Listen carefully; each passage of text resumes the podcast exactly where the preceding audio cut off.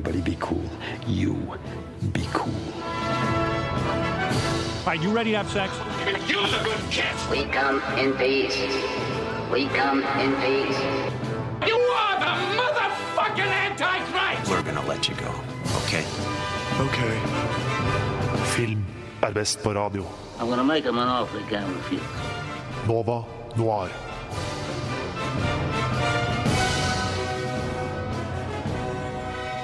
Ja, Hjertelig velkommen til denne torsdagens utgave av eh, Nova Noir. Mitt navn er eh, Bjørn Kristian Sveen, og med meg i studio har jeg Sondre Keslin. og, Hanna Holm Aune. og tekniker er Ragnhild Bjørlykke. Eh, Vi er, som enkelte kanskje har merka, litt, på, litt på etterskudd. Det hadde litt tekniske problemer, så Det hører morgenkvisten til. Ja. Så det blir eh, litt eh, improv eh, nå i den første delen, og så skal vi nok styre skuta På rett kjøl. på rett kjøl. Men veldig, veldig creds til teknikeren som har sittet her i ti minutter og stressa for å få oss på lufta. Veldig Så godt jobba. tusen takk. uh, vi skal snakke om uh, spionfilmer i dag, og det skal vi gjøre med utgangspunkt i tre franchiser. Og hvis folk har lyst til å sitte og gjette på hvilke franchiser vi skal ta for oss, så er det veldig gøy. Send inn uh, gjetningsforslag hvis, hvis du har lyst til det. Jeg har ikke tenkt å si helt hva vi skal ta enda. Ehm, Først skal vi snakke litt om, eh, om spionfilmer generelt. Og før det så skal vi snakke om uh, hva vi har sett siden siste gang vi var her. Og uh, før det igjen så skal vi få høre en sang.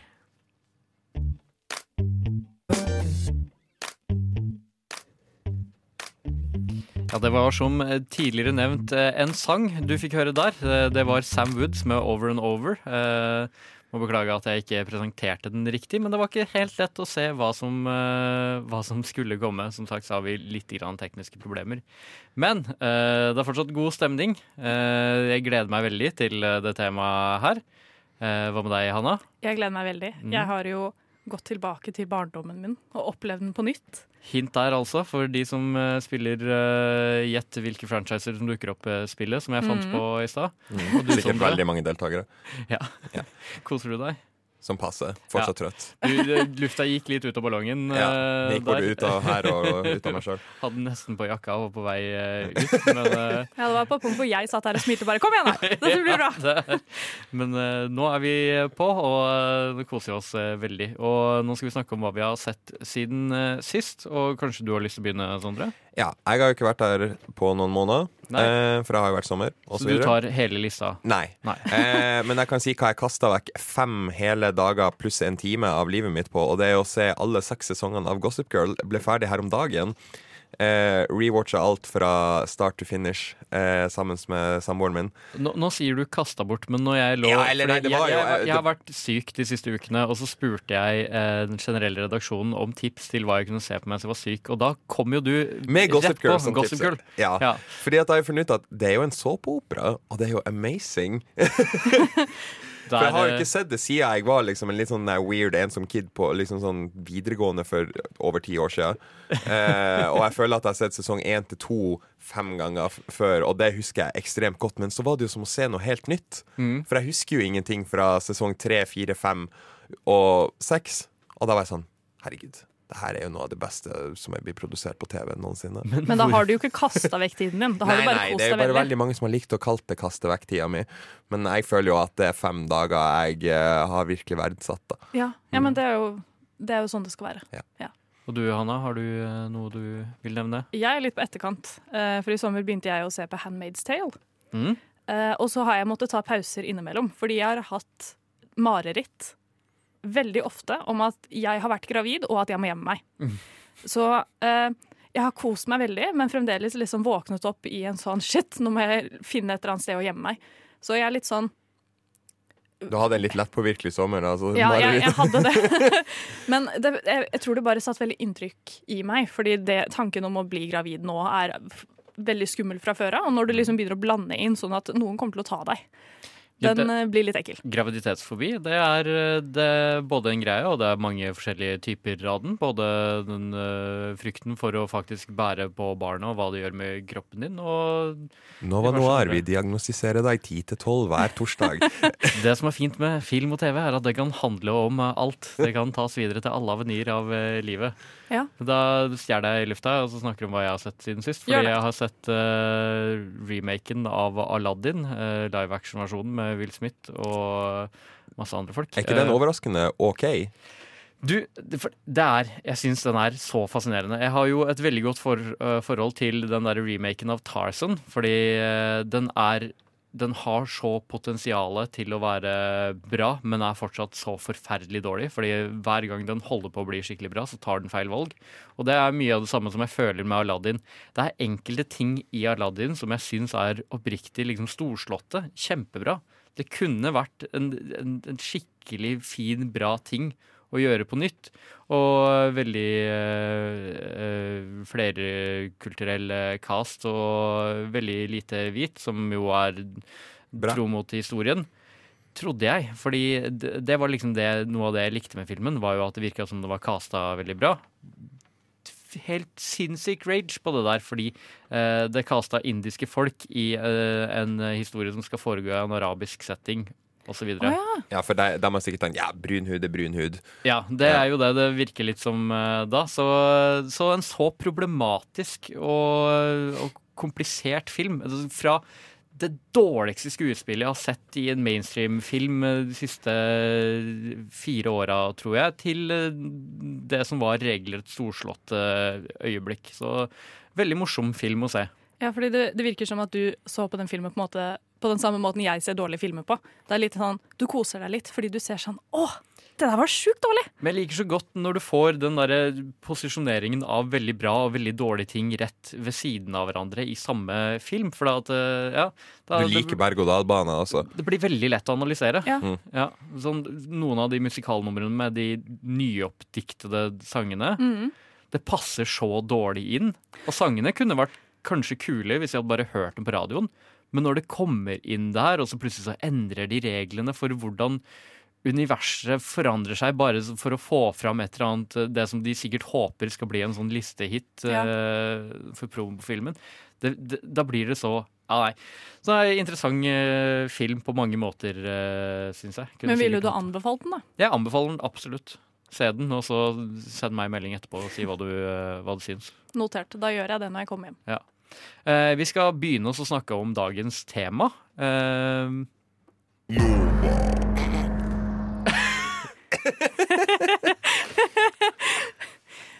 Som sagt, vi sliter litt med lufta i dag. Så her, her blir det litt tekniske hulter til bulter. problemer, fordi der var jeg forberedt på å ta en sang, og så kom jeg på i øyeblikket at eh, å ja, vi skal spare inn litt tid, så der var det ikke sang. Men nå skal vi begynne å snakke om spioner på film. Og eh, hva er deres eh, personlige forhold til filmer og spionasje etc.?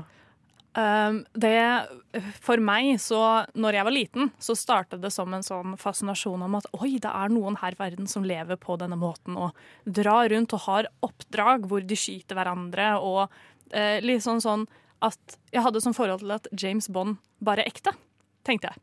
At det her var noe som faktisk skjedde. Eh, og så utviklet det seg da til at jeg ble voksen og skjønte at nei. Det, Eller jo. Ja, altså, det fins definitivt folk som, som lever av å dra rundt i verden tror- og ja. drepe andre Ja, ja, mennesker. jeg Det er det. man undervurderer vi hvor mye spion Eller du De, gjør jo nei, vi egentlig det. kaller ikke de spioner, de Nei. kaller vi for leiesoldater og Men, eh, eh, leiemordere. Men litt den der, at det er så glorifisert. da At det liksom er eh, så at James Bond lever liksom det kuleste livet. Mm. Den tenkte jeg var litt sånn oi, sjukt spennende. Og så kom det jo typ serier som Totally Spice på barne-TV. Hvor jeg var bare sånn Det er jo Charlie's Angels, bare tegneserie, liksom. Be- eh, Totally Spice, en serie jeg skal forsvare opp mot Charlies Nei, Charlie's ikke- Angels Any Day. Fordi Totally Spice er bedre enn uh... Faktisk Ja, men mye bedre. Ja. Men sånn konseptet er jo det samme. Det er jo den der gammel mann gir eh, tre unge jenter et eller annet oppdrag, og så gjør de det, og så har de masse utstyr, og alt er relatert til sminke. Mm. Um, men jeg digga det jo. Jeg syns jo det var skikkelig bra. Eh, og så hadde jeg en sånn liten pause hvor spionfilmen var litt teit. Fordi jeg var da tenåring, og da blir jo veldig mye teit. Mm. Eh, og så har jeg liksom funnet en, sånn, en kjærlighet for spionfilmer igjen, da. Mm. eh, når jeg ble litt eldre og fant ut at spionfilmer er jo ikke teit. Nei. Nei. Altså, jeg har jo aldri syntes de har vært teit, for at jeg likte jo å leke spion òg da jeg var liten. Eh, det var jo klassisk guttene rundt, rundt nabohuset, at vi sprang rundt og prøvde å skyte hverandre. Eh, og ropte at Nei, du ble truffet, og begynte å krangle om det. Men eh, jeg vet ikke, jeg har ikke sett på det sånn det, det er noe som har på en måte falt ut av radaren min litt de siste årene, eh, men som jeg måtte på en måte refreshe før eh, denne sendinga. Og jeg syns òg det er fascinerende, men jeg, jeg føler at det, det er jo bare en litt sånn oppblåst eh, versjon av ting som egentlig skjer i virkeligheten. Mye av det, da, de, de typer spionfilmene som jeg liker, fordi at jeg liker jo å ta litt tinnfullheten på meg og eh, tro at det skjer mye mer bak kulissene her i verden enn det vi allmenn mann i gata får med oss, og det er på en måte det jeg føler spionfilmer blir liksom innblikket i. da. Absolutt. Det er både appellerer til den konspiratoriske tingen, eh, noe som jeg også deler veldig. Eh, Du, jeg, Sondre, på fritida liker jo veldig godt også å diskutere forskjellige sånne eh, samfunn rundt omkring som har litt rare ideer. Flat earthers og incels og, og sånne ting. Alle havner i samme bøtta, men ja. Ja, stort sett. Eh, Men eh, Så da har jo den delen, og så har du også muligheten til å bare fantasere deg inn i eh, Og jeg hadde nok en sånn ganske god idé da jeg var barn om at jeg faktisk hadde en god sjanse for å kunne Bli bli spion. spion. Ja, du hadde det, ja? Jeg Du føler at du hadde vært en god spion, altså? ja, ja, ja, eller, ja, eh, til en viss grad enda, men det tror jeg kanskje er fordi det henger igjen. For jeg begynte jo å øve til fallskjermopptak og sånne ting da jeg var 13, Oi, såpass? tror jeg. Du skulle bli spion, du. Ja, det, det, det var der jeg skulle begynne. Eh, liksom. Eh, nå studerer jeg estetikk. Eh, How the mighty have fallen. ja, ting har ikke gått helt som eh, planlagt. Men konspirasjoner, konspira spionens eh, og spionasjens konspiratoriske natur, det eh, kommer vi inn på nå, for nå skal vi ta for oss første franchise, eh, og det er Jason Bourne-serien. Men før det så skal vi få høre Deborah's Child med Margaret's Hymn. Der fikk du, kjære lytter, høre Deborah's Child med Margaret's Hymn. Og vi skal snakke om eh, Jason Bourne-franchisen, for temaet i dag er spionfilmer. Og eh, Jason Bourne må da vitterlig kunne kalles en eh, spion, eller hva? Ja. Ja, agent, spion. Altså, det går jo inn, inn under samme ja. Det er jo James Bond-kategorien, liksom overordna eh, fyr som er, går rundt og er, er badass internasjonalt, liksom. Ja. Eh, Jason Bourne, eh, det er, jo, eh, det er jo nå totalt eh, fem filmer. Eh, bare fire av dem har Matt Damon i rollen som Jason Bourne i seg. Og eh, du kan egentlig oppsummere alle sammen med samme Med, med liksom samme plott. Jason Bourne eh, er på et sted, får vite at noen er etter han. Han trenger informasjon for å finne ut hvorfor de er etter ham. Og så prøver folk å stoppe han ifra å få den informasjonen, og så får han tak i den informasjonen. Who are you? What's your name? Jesus Christ, that's Jason Bourne. Why would he come back now? This is still a clandestine agency, no? He's seen things. He knows things. What can you tell me about Trenchtown? If there's something you're not telling me, I want it now. Do you understand? I swear to God, if I even feel somebody behind me, there is no measure to how fast and how hard I will bring this fight to your doorstep. You have no idea what you're into here. Now Bourne's gunning for us. Back for revenge. Jesus Christ, is Jason Jeg Bourne. elsker denne delen. Jesus Christ, is Jason Bourne. Eh, ja, det er jo eh, Til tross for min litt sånn der kvikke oppsummering av, uh, av hvordan filmenes handling foregår, så er jo det her filmer som jeg liker veldig godt. Jeg syns det er godt lagede filmer, men det er som Roger Ebert sier i sin anmeldelse av Identity, som er den første filmen i serien, at det er en veldig god film med tanke på at ingenting skjer. Ja, for Det, det, det er egentlig mitt forhold til hele det franchiset. For jeg husker jo, den, den første kom jo ut i 2002, og jeg var jo bare 11 år, og jeg så den, og jeg forventa antageligvis James Bond-aktige filmer. For da hadde jeg jo allerede sett liksom sånn Pierce Brosnans eh, golden era, på en måte. Eh, men så bare skjedde det ingenting. Det er jo den kjedeligste filmen jeg noensinne hadde sett.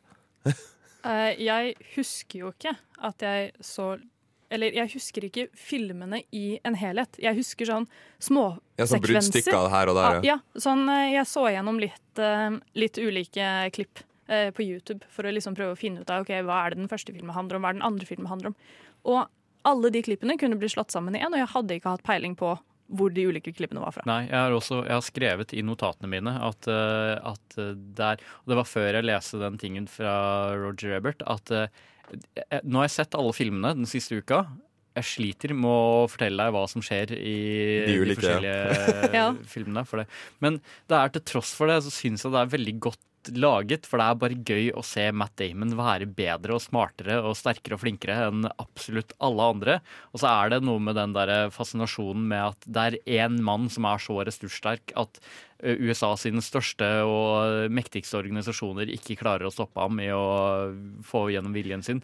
Så er jo en ren sånn derre Ja, for han, han er ganske berykta, liksom, både på den For han, han, han faller jo litt mellom to stoler, mellom det gode og det onde, på en måte. Han eh, De eh, håper å si eh, Organisasjonene vil ikke ha noe med han å gjøre for at han på en måte er ja, ressurssterk nok til å unngå dem og stoppe dem og i sine planer osv. Og de slemme vil heller ikke ha noe å gjøre, fordi at de vet at det er de hvis han kommer etter dem. Det er jo De slemme og de snille i de filmene her er jo stort sett på samme lag. Og så er Jason Bourne et eller annet sted imellom. Og da er de slemme er de som er Nei, han kan ikke kontrolleres, og han må drepes. Og så er det de andre som prøver også å hente han inn. Og det er jo stort sett alltid en som er på hvert lag, som eh, jobber for hverandre.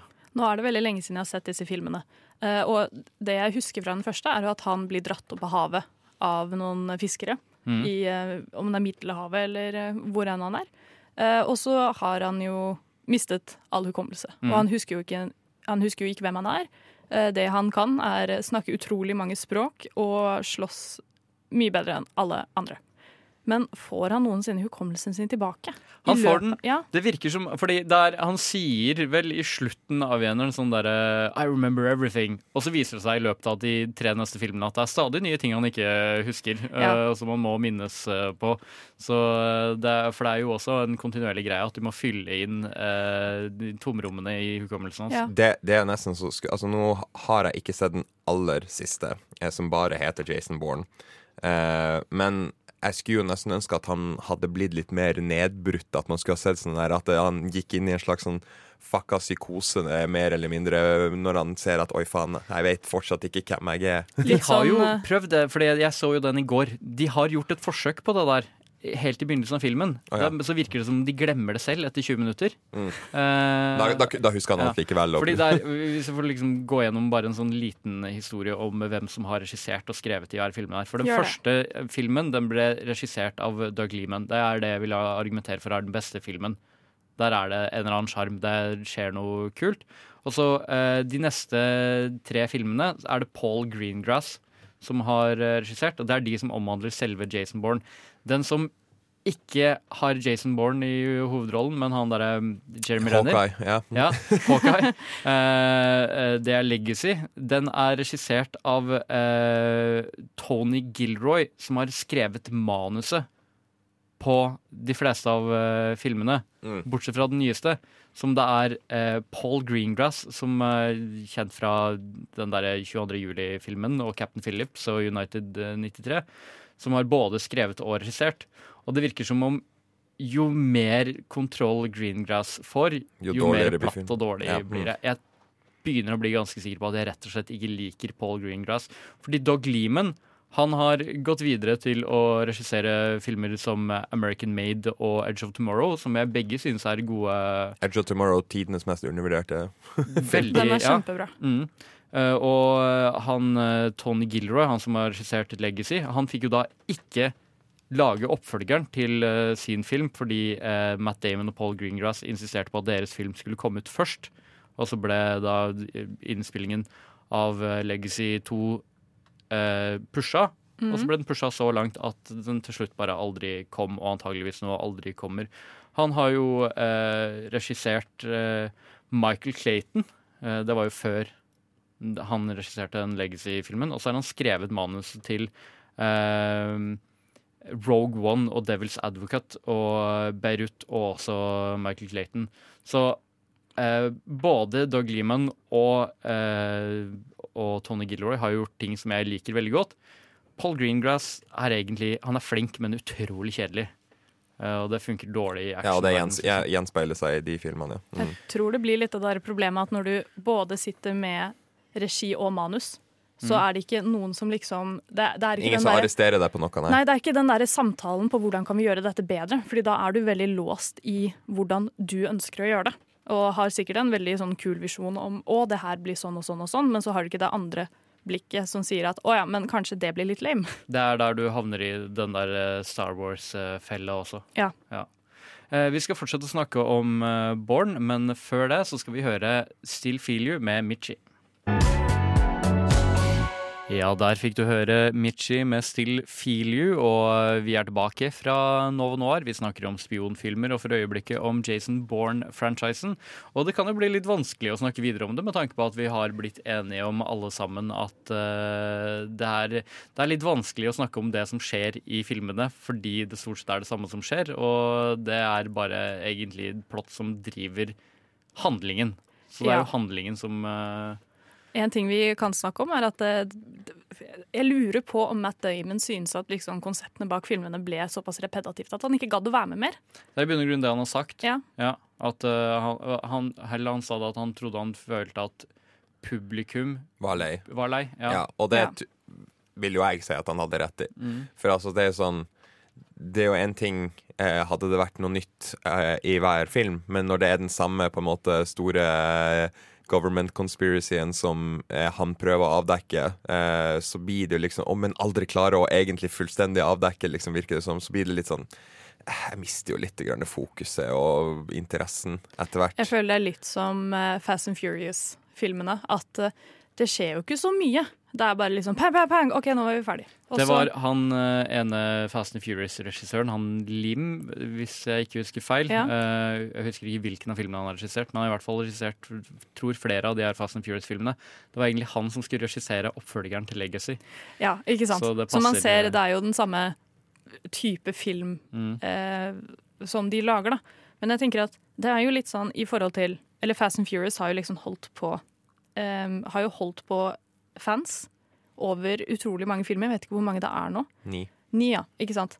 Eh, men den det er litt den der, det trikset om å ha en sjarm som gjør at folk kommer tilbake. Den har liksom Jason Bourne mista helt i løpet av Ja, for det har ikke, to noe, det har ikke, det har ikke sjarm. Det er det jeg føler eh, Bourne-filmene mangler. Det, det er liksom sånn Det skal være litt nitty-gritty, men, men det får egentlig ikke helt til det heller. Eh, for at det kunne ha blitt gjort enda grovere da, hvis det på en måte skulle ha holdt meg, min interesse som en fan, bedre da. Det er mye som Jason Bourne faller veldig i en gråsone, egentlig. Mm. Hvis vi sammenligner Jason Bourne-filmene og John Wick-filmene Det, det står her, det er skrevet uh, vi, vi tenker Ja. akkurat det samme. Fordi der har du den sjarmen, og der har man de karakterene, og der har man en Ja, ja, for der har- historie. for der har du eh, skikkelig over the, eh, over the top, men fortsatt liksom realistisk vold, og du har liksom sånn Og så bygger du på karakterene for karakteren, hver ja. film og utbroderer mm. verden. det, men det er liksom Ikke sant? For der er det Der blir du mer med på ei reise, mens liksom Born er bare sånn Å, oi, shit, jeg hadde visst glemt mer ting. Oi, å, å, hvem er det som prøver å få meg til å glemme? Hva er å, å. Så er det liksom sånn Men Det bygger ikke noe. Det, det han lærte i forrige film, på en måte er ikke så jævla relevant for hva som han skal gjøre i neste. Jeg lurer på om det var i utgangspunktet meningen at det skulle bli flere filmer, eller om de bare egentlig i utgangspunktet skulle lage én, og så Og så eh, fant de ut at den her gikk jo OK nok, og så var det en, produksjon- eh, en eller annen sånn fyr på et produksjonsstudio som bare sånn Vil dere lage flere? Ja, Jeg, jeg tror nok det hele tiden var planen å lage flere, siden den første heter Born Identity, og ikke bare Jason Bourne. Eh, liksom, Ja, fordi da, da var det er det mulig. Mm. Men det kan For det er jo jo at- basert på en bokserie. Det er jo mange av bøkene. Så Er det noen som har lest bøkene? Nei. dessverre. Fordi jeg begynner å liksom lure på om bøkene gir noe mer som filmene ikke klarer å overføre. Da mistenker jeg at du, det, på et sånn nerdeplan så føler jeg at det kanskje er mer sånn tekniske detaljer uh, å styre. Fordi mm. i filmen så er det bare folk som sitter og så klikker på nettbrett, så er det noen som bestemmer som sier Get that graphic up there, and I want uh, every log from uh, the last seven uh, days, everyone who went in and out now. Og Og så bare sånn Og så har de det bare der. Ja, det bare kommer det. det. Det er ikke noe Det hadde vært kanskje mer interessant å følge en av analytikerne som sitter der og må jobbe livet av seg for å prøve å finne Du kan jo alt, pitche eh, den ideen. The Analytic. Absolutt. Det er bare to timer med en fyr som prøver å finne The Born. Analysis. Liker jeg godt.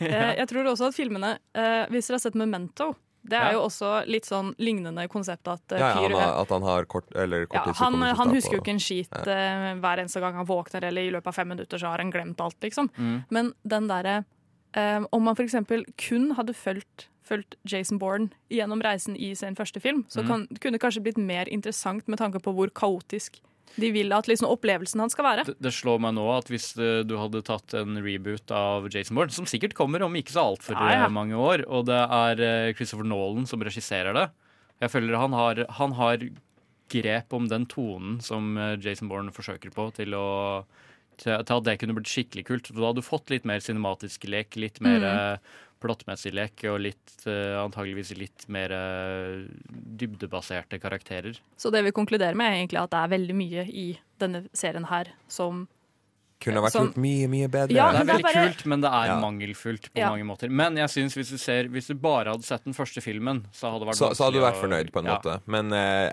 som et franchise så snubler det litt på målstreken. Ja, det gjør det. Mm. Eh, da skal vi høre MKs Marvelous Medicine med Taxi Driver. MKs Marvelous Medicine med Taxi Driver der. Og nå skal vi få et eh, innslag fra Ina Sletten, som eh, skal snakke om eh, Presentere for deg Nikita, det hun mener er tidenes spionfilm.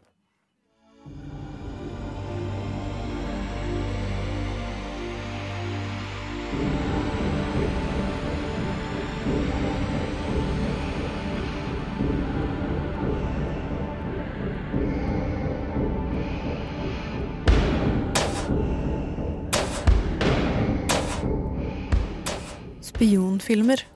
Du kjenner de. Høy, kjekk og hvit.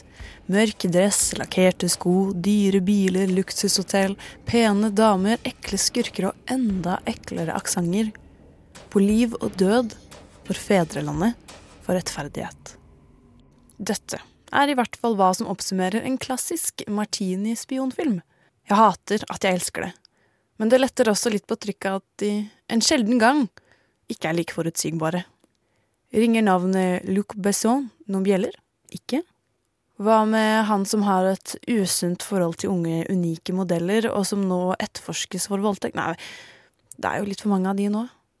Hva med Leon? Nothing's the same after you've killed someone. Your life is changed forever. Det femte element?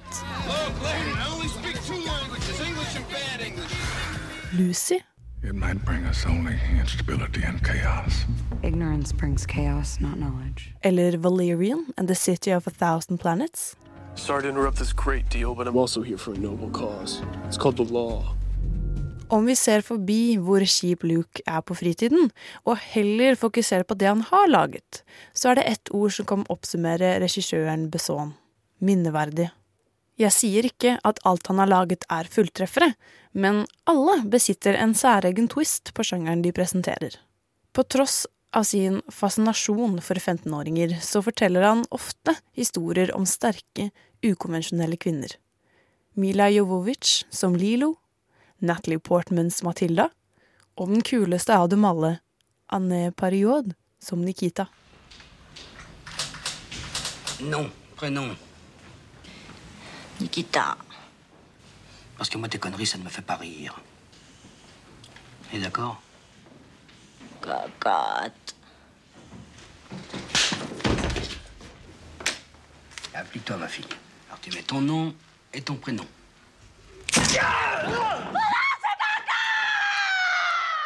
Nikita handler om, ja, nettopp, Nikita. En jente i 20-årene som raner en kiosk og ender opp med å drepe en politimann. Hun blir dømt til 30 år med fengsel, men før hun fengsles, forfalsker staten døden hennes og gir Nikita en ny sjanse på livet. Denne gang som leiemorder. Konseptet er nokså enkelt, og minner muligens om noe du har sett tidligere. Men filmen kom i 1990, og på det tidspunktet var det ikke så mange kvinnelige leiemordere å skryte av. I hvert fall ingen i samme liga som Nikita.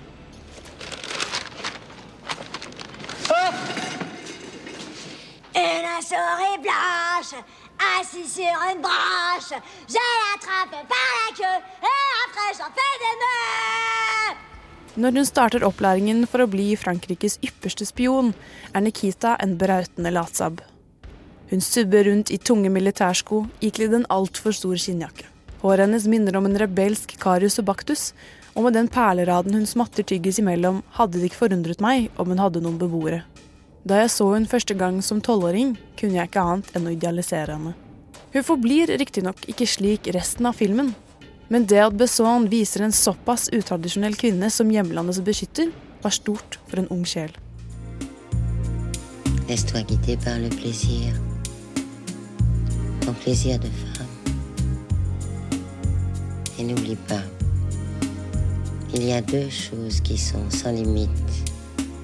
La féminité et les moyens d'en abuser. Som nettopp ble sagt, la deg styres av nytelsen. Din kvinnelige nytelse. Og ikke glem, det finnes to grenseløse ting i verden. Femininitet og evnen til å utnytte den. Dette sier Nikita sminkeguru når hun endelig innser hva som skal til for å lykkes som spion. Nikita forteller historien om en kvinne som aldri fant sin plass i samfunnet, og som nå utnyttes av de som frøs hun ut. Hun må lære å slåss, bruke høyteknologisk utstyr og, aller viktigst, kle seg som en dannet dame. Mitt favorittaspekt ved Nikita er at hun, uansett hva som skjer, aldri mister seg selv. Ja, hun grer håret, bruker høye hæler og følger ordre. Samtidig er det første hun gjør etter tre år på instituttet å bli innsmurt i maling mens hun pusser opp sin nye leilighet. Hun spiser ravioli fra boksen og driter i å bruke innestemme. Hun gråter lett og er likevel Frankrikes tøffeste spion. Hun er rett og slett menneskelig, allsidig og ekte. Besson har tatt seg tid til å vise hun slik, innimellom all action og usympatiske oppdrag. Det er det som skiller Nikita fra en vanlig spionfilm.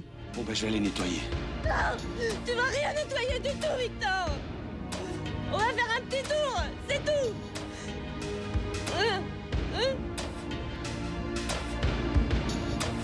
Il faut finir la mission. Om du trenger en actionfylt, hårreisende spionfilm til fredagstacoen, ja, da anbefaler jeg Nikita. Få et innblikk i fransk 90-tallsfilm, kule kvinner, følsomme menn og filmen som var med på å gjøre Luc Besson til en av de store.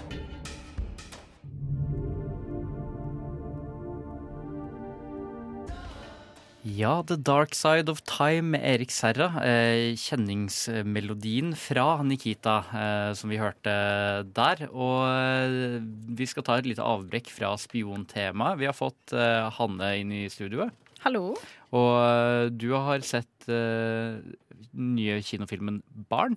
Det stemmer. Um, en dag i skolegården så er den 13 år gamle datteren til en Ap-politiker skyld i at sønnen til en Frp-politiker dør. Var det en ulykke? Hvem sviktet? Læreren som ikke fulgte med der han burde? Rektoren som ikke har oversikt? Foreldrene til barnet?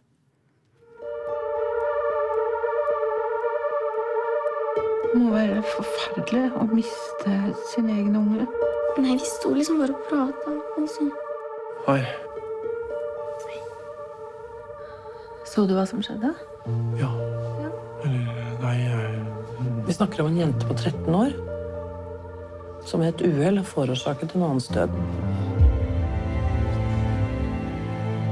Det er bare at uh, elevene de ordner opp, de skværer opp, og de glemmer. Men foreldrene de glemmer jo aldri. Det er ikke noe for jeg vil at hun skal få si for det. Jeg vil at hun skal kjenne det. Jeg prøver bare å gjøre alt riktig her, jeg. Men det er jo det er som å leve i et vakuum. Dette er en ganske tung film. Det er så deilig sånn uh, filmnorsk. Jeg kan ikke noe for det. Jeg vil at du skal kjenne det. det Ja. men, men det som er greien her, er at uh, uh, dialogen faktisk skiller seg litt ut fra ganske mye annen norsk film. Eh, fordi den er ganske naturlig. Mm. Disse små på en måte setningene skjønner jeg at isolert sett høres veldig sånn teaternorsk ut. Men tingen er at de lar dialogen være veldig mye mer naturlig her. Fordi at filmen baserer seg stort sett på samtaler mellom For det er veldig mange ulike personer involvert i dette. og den baserer seg på samtaler mellom disse. Og folk bytter tema frem og tilbake. Det er humor blandet med det triste. Plutselig så var det noen personer som snakket om en genser, og så er vi tilbake på at denne gutten har dødd, og så er det liksom Og det funker faktisk veldig bra, da. Det er ganske organisk. Ja. S- ja, og det er liksom Ja, det er en tung film, men den er full av sånne små glimt av humor og veldig smarte observasjoner om nordmenn, vil jeg påstå. Um, og det er veldig mange dyktige skuespillere her. Eh, jeg kan ikke trekke frem alle, men Torbjørn Harr er jo den Frp-politikeren som er faren til Jamie, som døde i ulykken. Hans Olav Brenner er Ap-politikeren. Eh, og Andrea Brein Hovig er konen hans, som er journalist i Klassekampen. Og de er foreldrene til Lykke Natalie, som er den som er skyld i ulykken. Eh, Henriette Stenstrup spiller skolen sin rektor og er i et hemmelig forhold med denne Frp-politikeren. Selv om hun ikke deler hans politiske syn, så det er ganske mange sånn finurligheter om norsk politikk, da, og kanskje ikke helt på den måten man skulle tro. For man skulle tro at det på en måte er litt sånn norsk komedie, hø-hø-hø, politiske landskap. eh, Men det er liksom Det er mye smartere enn det. Og veldig sånn Filmen er eh, ganske sånn nedpå. Lavmælt. Um, og så er Jan Gunnar Røise, som jeg ikke kan huske å ha sett i noe på veldig, veldig lenge. Eh, han spiller Henriette Stenstrup sin bror, som er kontaktlæreren til Jamie og Lykke. Og han skulle hatt vakt ute i friminuttet, men var borte i de få minuttene når ulykken skjedde. da. Så det er veldig mange personer som sliter med skyldfølelse på ulike vis. Allerede før de får oversikt over hva som faktisk har skjedd. Og det liksom det handler ikke så mye om det dramatiske som har skjedd, men mer hvordan det påvirker alle de involverte da, på ulike vis. Ja, for der, jeg eh, så jo uh, traileren, og det var for det første en ganske lang trailer. Og det var en ganske givende trailer, og veldig lite av til og med traileren var jo egentlig dedikert til denne ulykken. Så ja, det virker som noe forholdsvis nytt innen uh, norsk film som snakker om Norge-sjangeren. Ja, um, jeg har ikke sett noe av han eh, regissøren før. Eh, Dag Johan Haugerud, eh, som er både manusforfatter og regissør. Eh, men han har visstnok hatt en lignende type stil før. Da, veldig sånn ehm, eh, nedpå realistisk type dialog. Da, at det er det som er hans styrke. Og den er jeg faktisk kjempeimponert av. Ja, for at det har vært en av de litt sånn fallittene jeg har likt å ta norsk film på før, er at alt virker så oppstykka, og sånn, det blir sånn teaternorsk, og ikke bare eh, i måten det er skrevet og snakka på, men òg liksom sånn Handlinga virker som om det er bare oppbrutte teater, eller altså scener i teaterstykker, liksom, men klarer den her å komme seg litt unna det? Ja, jeg syns det. For det er, lang, det er lange dialoger, og det, måte, det gjør jo at man kan kanskje nesten mer slippe unna med litt av det der teatergreiene. At det er lange dialoger som gjør at det på en måte blir mer naturlig. Det er ikke sånn der en kommentar her, en kommentar der. Men blir det lett å plukke opp hva som er den viktige informasjonen i de dialogene hvis de er veldig lange? Ja, men for det er liksom ikke viktig informasjon på den måten. Det Nei, er det er mer liksom, bare sånne observasjoner Ja. hvordan folk har det etter en sånn type hendelse. Det er nettopp det. Mm. Og så er det veldig mange på en måte ulike karakterer som reagerer på ulike ting. Det er, mange, det er mye sånn observasjoner om lærere. Det er noen der som er litt sånn karikerte. En dame som hele tiden sier sånn Å, jeg må innrømme det, altså. Sånn hele tiden. Sånn Nei, jeg må innrømme at det var litt, det var litt vanskelig. Nei, jeg må innrømme at det syns jeg er litt morsomt. Og så er det bare sånn det, det er veldig sånn karikert komisk, men fordi de bygger det inn, og det tar litt tid før du på en måte plukker opp at å ja, det er sånn hun er. Og så plutselig, helt mot slutten av filmen, så er det noen andre karakterer som liksom imiterer hun, og jeg må innrømme det, som hun ville sagt. Og det er liksom det er bare, Jeg syns det er skikkelig lurt gjort. Ja, for at det er jo veldig mange i dagliglivet som er veldig kar karikert, og som vi bare plukker opp sånne der catchphrases fra. da. Absolutt. Eh, så det kanskje er bare en, en bitte liten detalj som gjør at det blir planta litt mer på jorda. da. Ja, og veldig ekte. Det føles som på en måte disse her kunne vært ekte folk, og det er så komplisert med liksom rektoren og denne læreren som er familie, og så er han ene liksom homofil, og så blir hun sammen med en Frp-er, og så er det litt sånne krangler, og på en måte det er implisert fordi at alle vet hva Frp står for, de vet hva Ap står for. Du skjønner hvem som hører til på hvilken side av politikken, men det blir aldri sagt sånn eksplisitt som er ganske sånn norsk-typisk sånn 'Vi må forklare deg dette og dette og dette', mens her er det bare sånn Han går ut ifra at du skjønner det, du er du har kontroll, du har fulgt med på det politiske, du forstår hva slags type person denne Frp-politikeren er. Og så gjør han kanskje noe lurt som gjør at du skjønner at ah, kanskje det er litt mer nyansert enn det. Mm. Filmen i seg sjøl virker jo kanskje litt tung? Vil du si at den er det? Den er tung. Jeg gråt kjempemasse, Mm. men jeg lo også, eh, og ble veldig engasjert. Jeg vil si at den er mer tankevekkende enn tung. Selvfølgelig er det kjempetrist. Det handler om et barn som har dødd, og på en måte Torbjørn Harr er jo jævlig god på å være en far som har mistet sitt barn. Du Mm. blir jo Du får jo kjempevondt av han sjøl om du sitter der og har lyst til å være litt sur på han fordi han er Frp-politiker, liksom. Mm. Så er det jo Det er jo de mennesker, de òg. det er litt det. Er litt, det er sånn, Definitivt. Vil sånn ikke gå så langt som å si at enkelte Frp-politikere er eh, hyggelige, vanlige folk. Eh, Nettopp. Ja. Altså, ja. Altså, det er den drøyeste uttalelsen i dag. Eh, jeg følte jeg måtte hente meg litt inn igjen der. Um, men um, ja, veldig sånn på kornet observasjoner om nordmenn. Ja. Altså en norsk film for nordmenn om det norske Ja, og status quo. den har jo, pre den har jo hatt premiere på filmfestival i Venezia, mener jeg. Og jeg har ikke lest noe om mottakelsen der, men jeg er veldig spent på hvordan et internasjonalt publikum ser dette. Nettopp fordi at de vet jo ikke nødvendigvis de politiske tingene og på en måte all dybden i det, da. Men eh, ja, og så vil jeg bare nevne at jeg også likte veldig godt hvordan filmen så ut. Eh, og filmmusikken syns jeg også skilte seg ut fra det jeg har hørt i mye norske filmer. Eh, og bare Det passet så godt sammen, og jeg er bare skikkelig, skikkelig imponert over han regissøren Dag Johan Haugerud. Nå skal jeg tilbake og se de gamle filmene hans. Mm. Kan jeg også bare spørre sånn rent spesifikt, for jeg er veldig nysgjerrig på det. Åssen er Henriette Stensrup? Hun Gjør det bra? Hun er kjempeflink, og det er jo Hun har et utrolig ekspressivt ansikt, som alle vet, og som hun har brukt i komedie veldig godt. Mm. Men hun kan jo helt Altså, hun er jo en kjempeflink skuespiller som kan spille på en måte en vanlig nedpå seriøs karakter. Mm. Og få bruk for det uttrykksfulle ansiktet sitt i det også. Ja, jeg eh, gleder meg egentlig veldig mye til å se hva hun gjør framover fremover eh, også. Ja, jeg vil si, ser du en norsk film på kino i år, så gå og se henne. Såpass, ja. Så hva ender du eh, opp på da, hvis vi er kommet så langt? Åtte av ti. Åtte av ti. Må jo sies så Toppsjiktet på barn der, altså. Mm. Mm. Eh, ja, og til å dømme etter traileren, som dere jo kan gå inn og så kikke på sjøl, så høres det veldig rimelig ut, eh, det altså. Tusen takk til Hanne Marie Nord for at du kom og anmeldte barn. Nå skal vi høre Emperor X eh, med A Violent Translation of the Concordia Headscarp.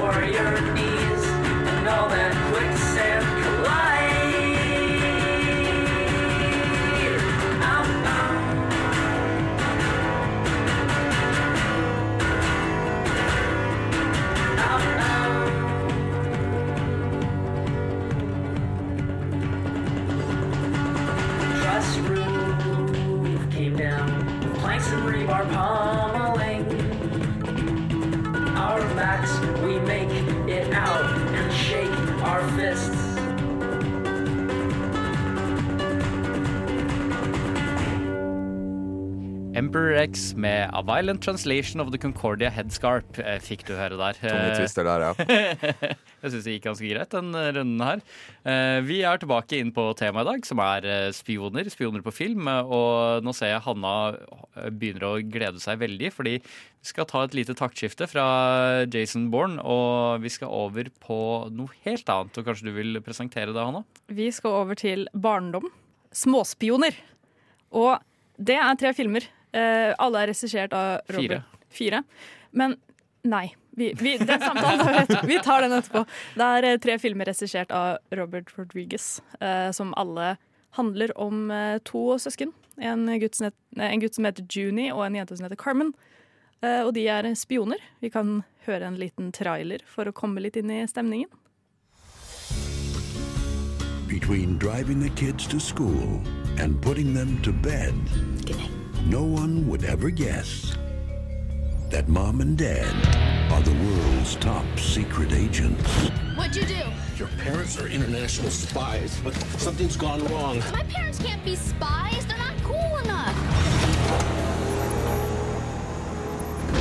That's cool. Now, the only two people who can save them are their kids. Spy kids. Real spies.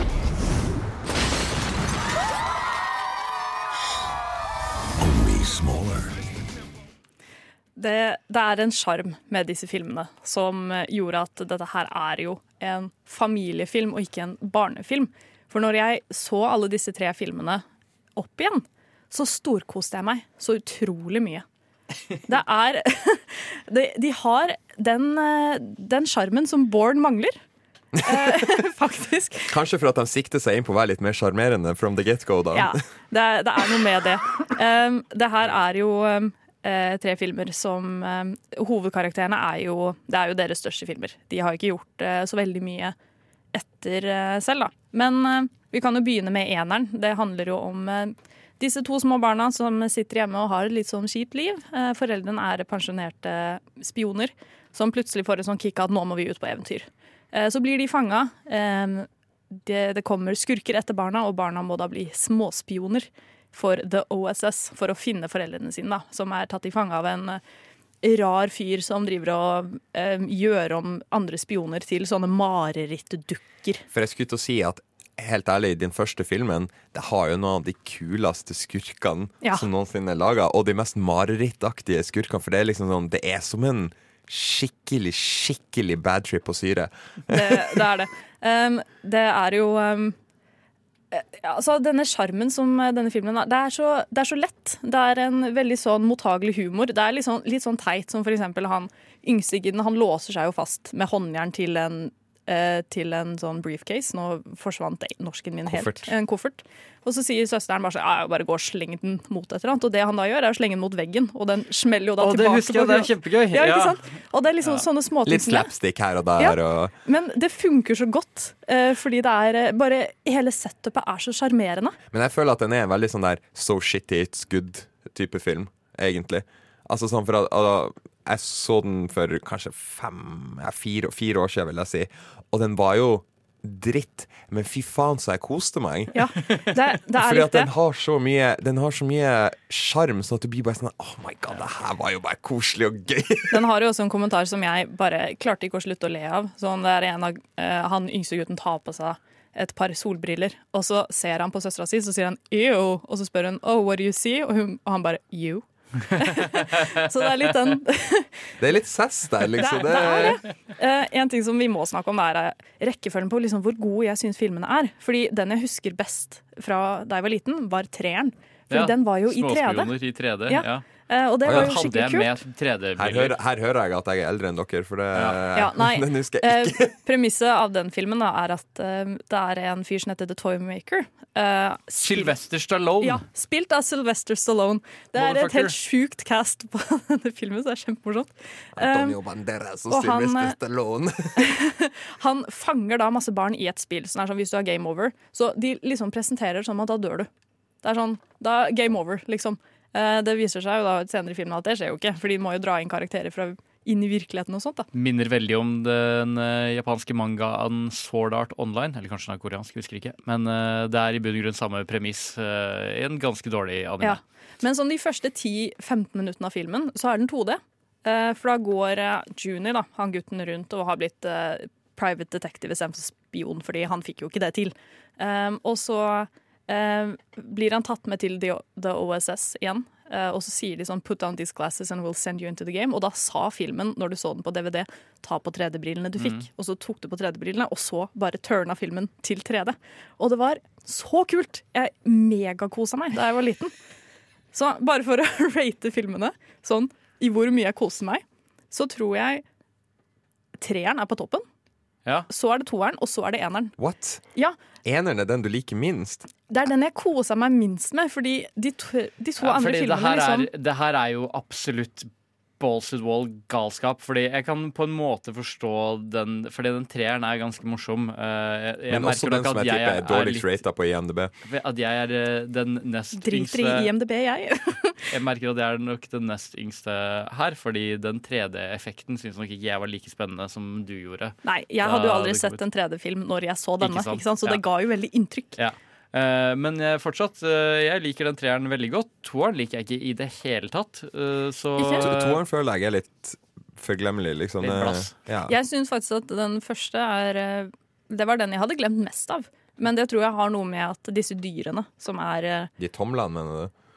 Nei, de, de ga meg mareritt. De har jeg aldri glemt. De ga meg, seriøst, Jeg har snakket veldig mye om marerittene mine sånn når vi har hatt pause og sånt. Men det var noe jeg faktisk hadde mareritt av, og når jeg så det igjen Ja, ja, det er det jeg mener med at det er en, dårlig, det er en skikkelig bad trip. eh, Fordi at de tomlene der er jo noe av det skumleste som har Altså, se for deg at du bare blitt, kommer inn i et rom, og så er det bare en sånn bunch med tomler som kommer og skal banke deg, liksom. Hva faen er det for noe? Det, det er Jeg, jeg vet ikke jeg, jeg, har ikke jeg har ikke så veldig mye å pirke på disse filmene, fordi de er sjarmerende på sin måte, og Det de er jo dårlige. som ja, for det, er det, det er ikke filmer som er ment å pirke på. føler jeg. Det, det er sånn der, der skal du bare gi dem slack fra ende til fucking arn. det er en scene jeg har lyst til å ta fram fra toeren, hvor Mm, eh, Men uh, med det uh, Vi tar uh, oh, ja, vi, ja, skal, sorry. vi, vi, vi skal Til tross for at det, man, det ikke skal pirkes på, så skal vi pirke på det. Så hold den tanken, Hanne. Eh, Hanna? Hanne? Sorry. Vi har akkurat hatt Hanne i studio, så jeg føler jeg kan tilgis eh, den.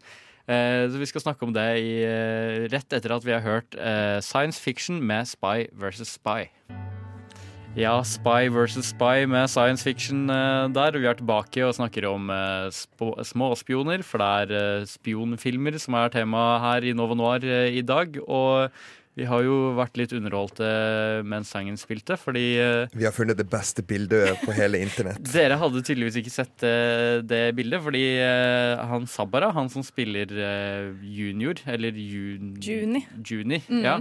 Juni Cortez i Småspioner. Kan ikke du beskrive dette bildet, Hanna? Vi må ha litt bakgrunn da, fordi Juni, han som spiller Junior Cortez, er nå gift med sangeren Megan Trainer. Mm. Og du fortalte jo om dette bildet her, og beskrev det ganske kort. Som er Megan Trainer og han eh, At de kommer ut av en sexshop med en pose full av dildoer. Veldig uentusiastiske begge to. Ekstremt uentusiastisk. Hun er kledd i en grå hoodie med et grå eh, hårbånd. Ser ut som hun ikke har dusja på to dager. Han går med ei syrevaska T-skjorte med Marvin the Martian på, og bare ser ut som han bare tenker faen, altså, jeg må få alle de her dildoene opp i ræva når jeg kommer hjem. I tillegg til dette her så har han jo på tidenes beste sko, som er sånn derre Tåsko. Tåsko. Shorts og tåsko, altså. Det her er fashion 20 Jeg tror det der, er, det der kan nok vare en stund. Fordi når du er så avslappa at uh, du kan få det og så handle det som ser ut som 20 Og- og det dildoer er at det ser ut som- ser ut som en tur på eh, butikken Ja, ja, for det verste er at det ser ut som dildoer i løsvekt. holdt på å si. Altså, Ja. Det ser ikke ut som de er pakka inn Nei, engang. Det bare ser ut som de ligger der man løst oppi posen. man ser de ganske godt, da. Um, så da kan vi jo um, Så da er det et tips å gå inn og så se på det, hvis, uh, for det, det er et veldig underholdende bilde. Så det er veldig mye Ja. å analysere på Det det, det bildet. Du kan føle deg veldig bra om ditt eget liv etter å ha sett det bildet. Du har sett hvor trist Herregud, dag du har denne torsdagen, så kommer du til å føle at du, du piker mer i livet enn den tidligere småspioner, eh, håper å si hovedrolleinnehaveren. Kan være at det der er nøkkelen til et godt liv. Det er behagelige klær og Behagelige klær og- og- Pose og- dildoer, ja. eh, Hvem vet.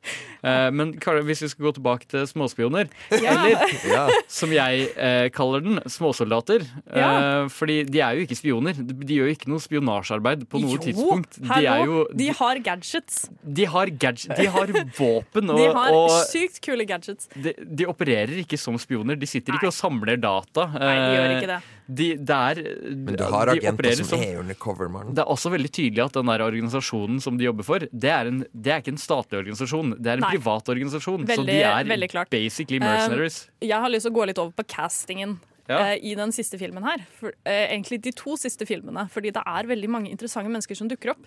Eh, blant annet i eh, film nummer tre. så er Elijah Woods med. Og Ja, han spiller han er- The Guy. Ja, fyren, Um, for jeg har sett den ja. Jeg bare sett dem dubba, jeg. Ja, og det, det å se Elijah Woods som et så lite barn, er veldig hyggelig. Um, og det har liksom, han er jo med i filmen i gode to minutter, og så er han borte, liksom. Han er men, ikke så liten der, for det der er etter uh, Ringenes herre. ja, men han ser kjempeliten ut. Ja, han ser det, er faktisk, det er faktisk etter første Ja, Ringenes herre. Det er. Tenk deg at du går fra Ringenes herre Det er etter alle Ringenes herre-filmene. Hæ, Er det det? Jo. Nei. Ja, Atter, at en konge kom ut i eh, 2001. Så etter å ha blitt han bare har babyface. Etter å ha vært Frodo så bare tenker du at ja, det her Han er sånn 30 dette, der. dette er mitt neste karrieresteg. Men- Småspioner 3D, rata til 4,3 på igjen. det han gjorde etter det her, var å bare ikke være skuespiller på en Ja. stund, og så reise rundt og så være DJ. Han har kost seg. han har levd livet. Ja, Men vi må, vi må tilbake til castingen her. Ja. Fordi Ja. i tillegg, Skurken i film nummer tre er jo Sylvester Stallone. Mm. Presidenten blir spilt av George Clooney.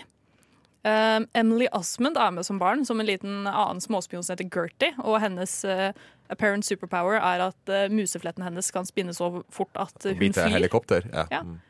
Um, og det er bare Også Steve Buscemi. Er det sånn man sier det? Buscemi. Buscemi. Han er Buscemi også med også. noe sånt. Han er også med i både toeren og treeren som en eh, gæren eh, forsker. Eller litt sånn lun, men han er, ikke, han er ikke gal, han er ikke ustabil. Han er bare litt rar. eh, Som har liksom Han har mer evne enn han har vett, fordi Ja. han lager ting som han ikke har kontroll på sjøl. Ja, som da er en gris med vinger og en gorilla som også er en edderkopp på bunnen. Litt sånn, litt sånn rart. Og hvordan de har liksom pitcha dette her for så store skuespillere, er litt sånn oi! Jeg tror, jeg tror det har noe å gjøre med at fordi Robert Rodriguez eh, var jo et stort uh, navn på det tidspunktet da Småspioner kom. Og uh, jeg tror uh, For han har jo der eh, El Mariachi og sånne ting. Han, han var jo en A-lister da de filmene her ble laget. Og det virker jo som om det var veldig tydelig at han lagde den filmen her nesten for sine egne barn. Og så er det jo en sånn ting som du veldig ofte hører i intervjuer med, med kjendiser, er at det, det er alltid veldig fristende å være med i en film som du vet at barna dine kan Mm, se. Så ja. når du da vet at eh, da, når det bare blir sånn spøk og moroprosjekt blant uh, mektige A-listere i Hollywood, og de ikke gidder å ta seg høye honorarer og sånne ting uh, for det, fordi barna deres er fan av de første filmene, så tror jeg det er relativt lett å få med sånne cameos. Det er sant. Det er én ting jeg har lyst til å kritisere filmen for, og det er det fokuset er det? som Alle tre. Ja. Uh, og det er det fokuset som eh, filmene legger på Juni, altså han yngste broren. Uh, I film nummer to så er det en veldig stor greie om at uh, han var liksom spy of the month veldig lenge, og så ble han tatt av veggen og byttet ut med en annen fyr. Um, og i film nummer to også, nei, en også, så er det sånn veldig stor fokus på at det er Juni som liksom redder dagen. Det er han som redder foreldrene sine og sånt. Men fy faen, som en håpløs fyr han er. Den som gjør alt, er jo søstera. Er det det? Ja, egentlig. Fordi det er hun som er smart, det er hun som skjønner hvordan ting funker. Eh, men hun blir liksom overskygga fordi det er liksom han yngste da, som skal eh, eh, det er liksom, Jeg kan være litt sånn på der at det er liksom gutten da, som skal være på toppen, og det er han som er hovedrollen, det er hun som er birollen. Mm. Men er ikke det litt sånn der digg at uh, han egentlig er underdoggen? Men de presenterer det som at han er den beste. Uh, ja, OK. Da, jeg Jeg var, ikke, jeg, var ikke for, jeg var liksom ikke forberedt på denne analysen av småspioner. Liksom, ikke som sånn. Jeg, jeg, altså, jeg, kan ikke, jeg kan ikke huske at en av dem var liksom favoritten en gang, på noen måte, egentlig. Jeg var Nei, liksom altså, ikke er- forberedt på å ta feminismedebatten om småspioner liksom, om to barn. Nei, men Så det, det høres er jo gyldig ut, med men jeg, både jeg og Sondre ble liksom bare sånn sittende og så kikke på hverandre. Jeg er veldig sånn perpleks ja. av det her. Eh, Nei, men det det er er- sånn, ja, det kan sikkert stemme. Jeg har ikke tenkt på det litt Nei, det, det er eh, virkelig ikke noe Nei, som bare sånn Når jeg Men det er litt sånn interessant når jeg så på det nå, fordi jeg ble litt sånn, han blir jo faktisk Han er jo megaoverskygga av søstera si, som får til ting. Sånn, I film nummer to så fucker han opp med en gang og blir beskyldt for å være the bad guy i alt, og at han er helt håpløs og sånt. Og så er det jo søstera som får han med i, som agent igjen. Det er søstera som ordner at de drar til dit de skal, og at hun finner ut av ting, og at det er liksom Men ja, okay. den, Hele Fordi- den The Brains er jo henne, og han løper egentlig bare etter og er litt sånn ah, la, la. Men det Oi, høres jo ut liksom. som om uh, hun øh, er i en veldig sterk posisjon, da. Men han er jo yngre. Kanskje han viser mer potensial for alderen enn uh, Men det, er, gjør, det virker ikke helt som om det er det. Fordi i tredje film så går han også ut av Han går går ut av The OSS og blir dratt inn igjen. Because Ja. you were the best spy. Og søstera har liksom blitt fanga og sånt. Men, Men det er jo også fordi det er jo ting i den filmen her som er litt sånn derre blodsbåndaktige genetikk, eh, Ja, ja. sier allting. For de er barn av liksom eh, mesterspioner, som Mm. selvfølgelig er forelsket i hverandre fordi at de er de beste spionene i ja. verden.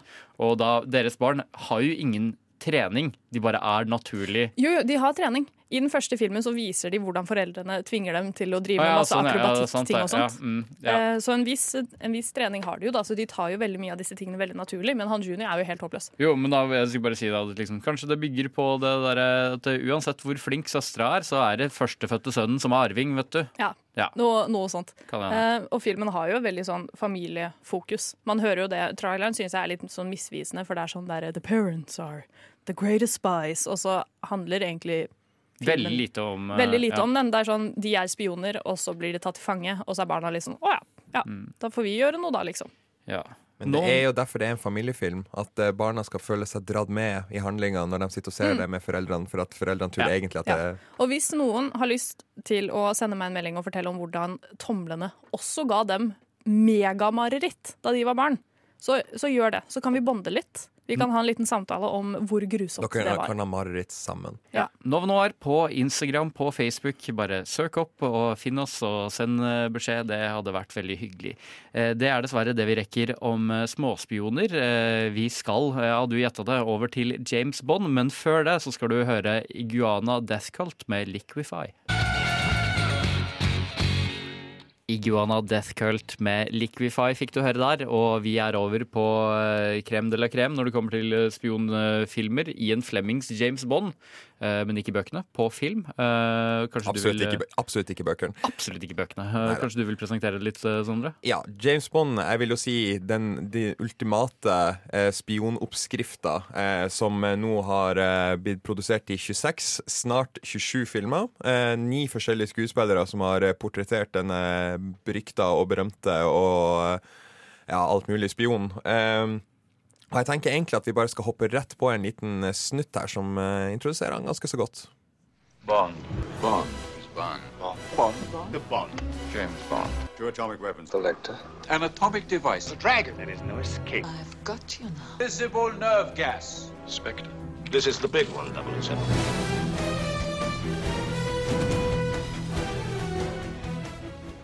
vi, vi hører jo der den eh, presen presentasjonen som han er så veldig flink til å gjøre i alle filmene. Jeg, jeg, I forberedelsen til det her så eh, så jeg et, eh, en liten YouTube-video der alle gangene han har presentert seg sjøl som Bond, Ja. James Bond, eh, i løpet av alle filmene, det var totalt ni og et halvt minutt med bare Satan. at han sier navnet sitt. Jeg, jeg elsker sånne supercut-greier. sånn som eh, bare Arnold Schwarzeneggers eh, 160 best quotes også. Det er, er kjempebra. Eh, Det er 15 minutter. Eh, er 15 men, minutter. eh, men ja, så den, skal jeg, den Bond, eh, James Bond-greia skal jeg hjem og se etterpå. Midt i blinken for, for deg, Midt i da. Ja. for absolutt. Men uh, James Bond er jo en av de jeg Altså, gjerne eh, korriger meg på det her, men jeg vil jo si at det kanskje er en av de lengste franchisene vi enda har up and running. Det har jo eh, vært siden 1963 Mm. eh, med Dr. No. Eh, og den siste som skal komme nå i, i 2020, da. Eh, og det er jo Altså, noen av skuespillerne som jeg skal gå gjennom litt senere, har jo vært med i så mye som åtte filmer hver. Mm. Så det er, det er jo Altså en film, et franchise som har vært hele karrieren for enkelte skuespillere. Eh, og det har jo kunnet blitt gjort fordi oppskrifta funker så bra. Det lengste siden den første filmen kom, så er det lengste tiden som har gått eh, mellom det kom ut to filmer her eh, åtte år, tror jeg. På, eh, på begynnelsen av 70-tallet, tror jeg. Ja, det kan godt hende. ikke helt. Så det er jo en veldig kontinuerlig ting. Det er jo enten filmene er bra eller de er dårligere, dårlige, så må man liksom se det og ha en slags respekt for det, for det er jo en virkelig eh, et stempel i populærkulturen. Det er jo en av de filmene som følger veldig eh, oppskriften da, til eh, sine eh, forgjengere. Mm. Så det er litt litt en Ja. James Bond er midt i et oppdrag når vi kommer inn i filmen. Blir liksom presentert i hvem han er. Eh, bytter over til et større plott. eh, og så ja da, ja da, ja da. Ja, også for at James Bond han er jo eh, medlem av MI6. Han er jo eliteagenten til, til MI6, som er det britiske versjonen av Secret Service-ish. Ja. man kan jo ta de etterretningsorganisasjonene som er nå det samme. Men eh, han er jo, hva skal man si, en velfungerende psykopat, vil Ja. jo jeg Ja. si. Eh, for altså, han er Han har jo eh, Eller i hvert fall sosiopat. ja, ja, psykopat, sosiopat altså, Ja. La oss ikke Ja, gå nei, inn i potet-potet-diskusjonen der. Men eh, han er jo hensynsløs, fryktløs, altså sykt fokusert. Eh, veldig, hva skal man si med tanke på hva han går igjennom i hver film, veldig mentalt resilient. Tåler mye dritt. Eh, Eller eventuelt ut ifra enkelte tolkninger, bare så ødelagt at ingenting kan ødelegge han Ingenting mer. kan ødelegge han mer. Og så eh, er det at han i, hvert fall fram til eh, noen av de litt mer eh, senere filmene ganske så samvittighetsløs. Og så selvfølgelig eh, tidenes kvinnebedårer. Fordi en av staplene til James Bond-filmer nå er jo Bond-piken. For det er liksom Oppskrifta er jo, som du sa han er i et oppdrag, kanskje blir det tilkalt til et større oppdrag. Eh, så når han er på det, så brått så eh, møter vi den nye femfatalen i det, eh, som skal påvirke hans eh, dømmekraft i denne filmen. Kanskje hun er på den onde sida, gode sida, midt imellom, bare et uskyldig eh, eh, damsel in distress som han må redde. Så blir han eh, kalt inn til hovedkvarteret, får noen f f- fete gadgets fra, fra Q, som er han eh, MI6 sin gadget guy, Mm. eh, og så fucker han opp, går litt rogue, og så Pava kommer Mm. ut som helten. Jeg anbefaler på, I Wikipedia så ligger det en, eh, en egen side der du kan lese synopsis på samtlige bøker. Uh, og det er eh, Hvis du syns noen av filmene tar det litt langt, så les synopsisen på de bøkene, for de tar det jævlig langt. Eh, Men eh, fordi at bøkene er jo skrevet av Ian Fleming og eh, Eller de første bøkene er jo det. Som var har, ja, som var ment til å være James Bond, deriblant Casino Royale, som er eh, håper å si, eh, var jo den første filmen til Danny Craig, som er nu, den eh, nåværende James Bond. Eh, og den neste filmen kommer vel til å være hans siste også. Eh, men det som er er at Ian Fleming mente jo aldri at James Bond skulle være sånn crazy, over, altså sånn over the top, sånn som kanskje vi som vokste opp på 90-tallet, og de som eh, så på Og de som vokste opp Pierce Brosnan, Ja, eh, Pierce Bond. Brosnan og egentlig eh, Roger Moore og liksom sånn der, som var litt over the top og bare litt for nonchalant og masse crazy gadgets og sånn. Mm. Ian Fleming mente det skulle være litt nitty-gritty, liksom. Det, det skulle være Han tok jo, han, tok jo uh, han både ble tatt veldig seriøst og tok seg sjøl veldig seriøst når det kom til For han var jo med på å starte Han jobba jo sjøl som spion. Han uh, var jo en del av den ja, troppen som også Roald eh, Dahl var med på. Hvis jobb var å dra til USA og så ligge med politikerkoner, eh, sånn at eh, de kunne vinne innflytelse over, over politikere for å få amerikanerne til å involvere seg i andre verdenskrig. Ja, ja, for det er jo nettopp det. Mm. Eh, den kalde krigen Ja. var jo egentlig, har jo egentlig bare vært perfekt bakteppe til at det her franchiset har vokst til å bli så innlemma i den vestlige kulturen som det er, da. Mm. Ja. jeg glemte hva jeg skulle si. Ja. Uh, men det som jeg liker litt uh, med James Bond, er at det er en franchise som er veldig lett å overføre til nye skuespillere som gir karakteren sitt preg.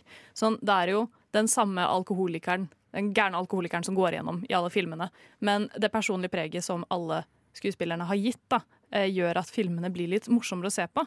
I forhold til, Hvis jeg kan drite litt mer på Born, når de bytta ut uh, Matt Damon med han Hawkeye Ja, Jeremy Renner. ja, så liksom, det, det overførte ikke, da. Men her har man liksom hatt flere skifter hvor eh, en overføring har funka. Ja, og ikke funka. Og ikke funka, Det er, no, det er noen uh, Altså, for at det er jo ni skuespillere, men når jeg uh, leste ei liste over liksom sånn der Du hvem som kjenner igjen tre, liksom. Ja, og hvem som har vært liksom de beste James Bond, så var det jo ble jo bare fem nevnt. fordi, Og det var ikke fordi at det var liksom top five, det var bare at Nei, tenker- her, her er det, det noe vi bare husker. lar glemme. Og det er jo sånn som jeg føler de fleste har hørt når jeg nevner Pierce Brosnan, fire filmer. Timothy Dalton var bare med i to, men til og med du har hørt det. Sean Connery, åtte filmer. Eh, en av de to som har vært med i flest, eh, sammen med Roger Moore. Og så er det Daniel Craig, som nå har fire, men snart fem. Vi kan jo ta diskusjonen på hvem som er den eh, beste James Bond, eh, blant annet. eh, Etter at vi har hørt The Camel Toes med Dama runka også.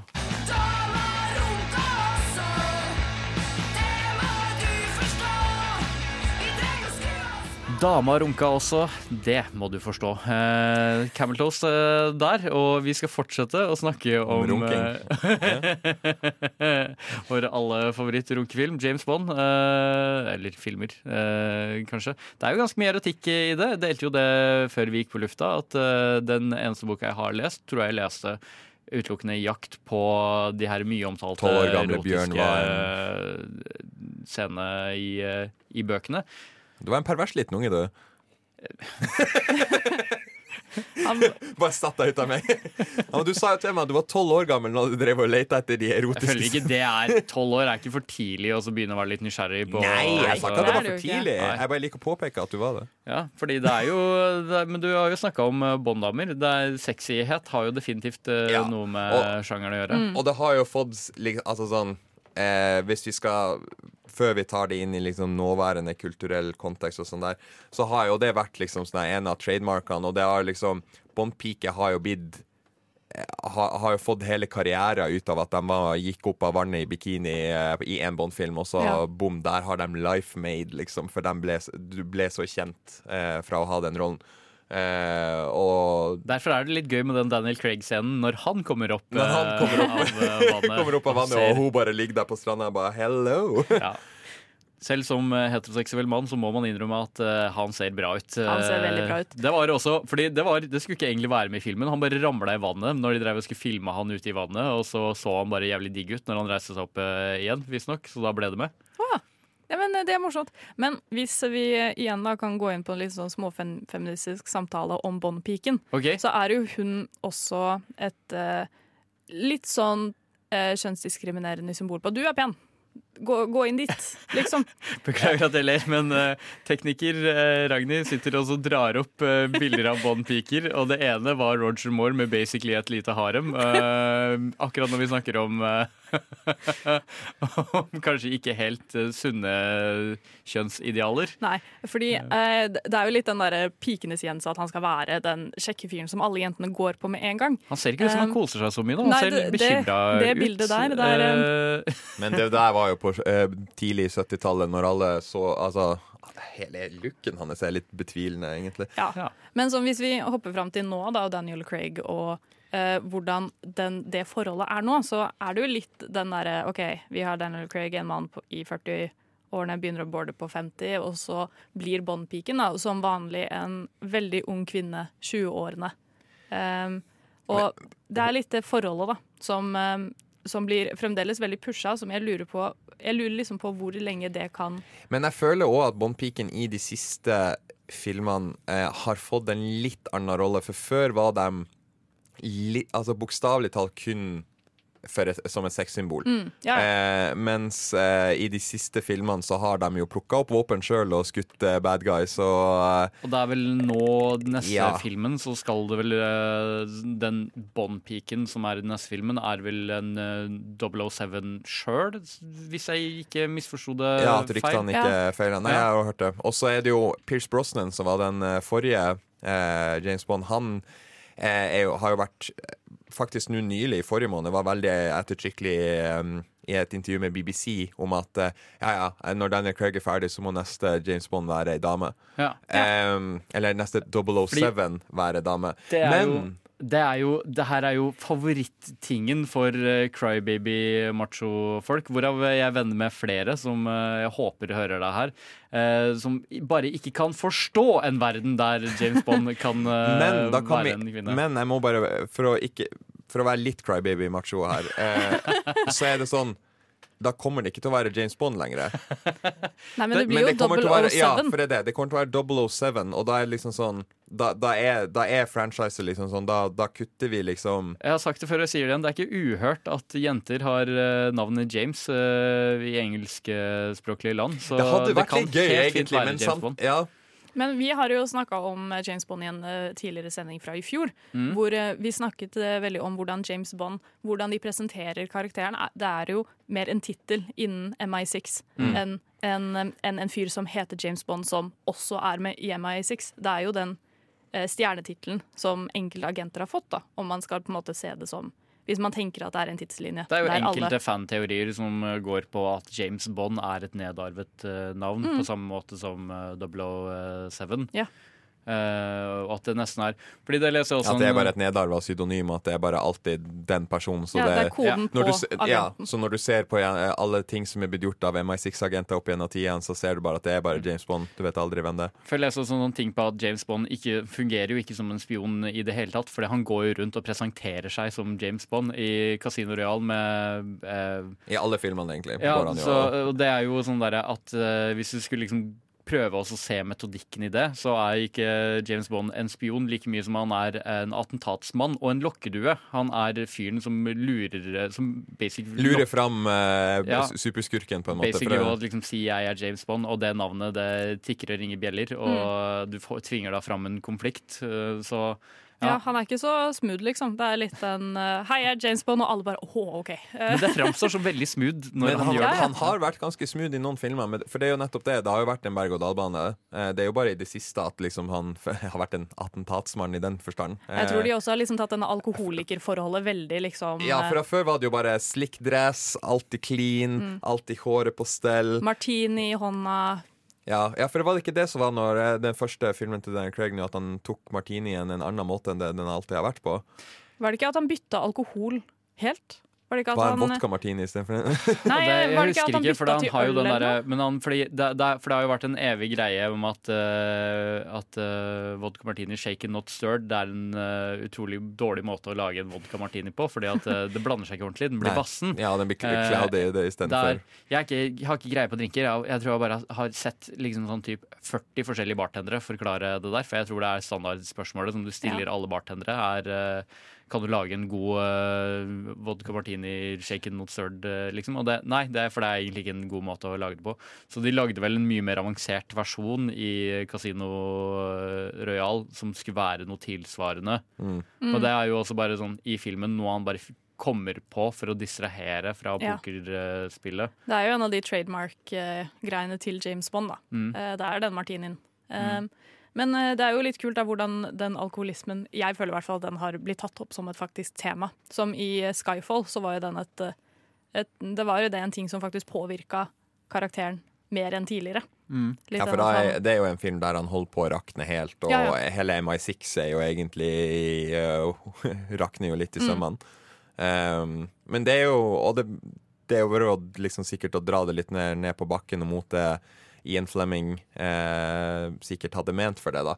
Eh, Jeg, jeg tror ikke Fordi jeg tror ja, men altså, du, du blir jo en troubled man av å drive og um, Ja. Noe av grunnen til at jeg tror eh, James Bond fortsetter å overleve, er fordi at eh, den, den har så veldig lite imot å fornye seg. Og liksom Mm. prøve å holde på de elementene som gjør James Bond til James Bond, men fortsatt fornye seg. Fordi eh, så vidt jeg skjønner det, så gikk det ganske kort tid før en filmene ikke begynte å ligne på bøkene noe særlig i eh, det hele tatt. Fordi Ian Flemming, en veldig flink fyr på mange måter, men også et misogynistisk rævehøl av eh, dimensjoner som eh, Men levde igjen, hvis i du har en vært spion helt under egen andre boble. verdenskrig og 50-tallet og begynnelsen av kalde krigen Ja. Jeg skjønner at du har vært det da på den tida, liksom. Da sånn har, du, da har du vært ødelagt. Ja. Men det minner litt om hvordan Doctor Who funker også.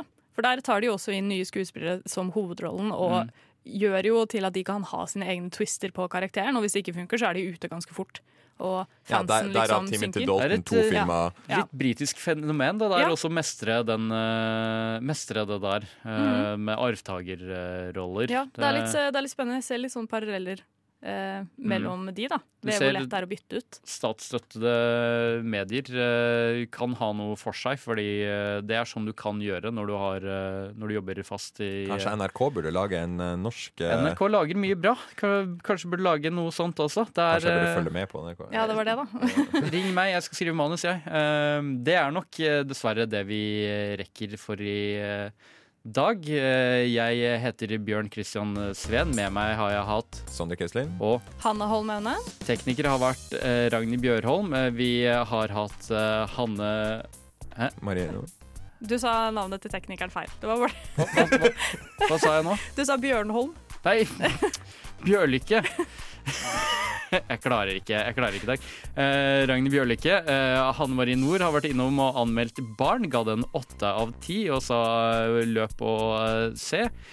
Hatt litt tekniske problemer i dag, men, Men det har eh, for det meste så jeg syns det har vært veldig god stemning. Eh, håper det har vært like koselig å høre på som det har vært å sitte her i studio. Løp på kino, se barn, eh, eller møt oss etterpå for å se It på Imax, for det er en del fra redaksjonen som skal. Eh, tusen takk for i dag. Ha det. Ha det. Nova Noir gir deg filmnytt og anmeldelser. Torsdager fra 10 til 12. På Radio Nova.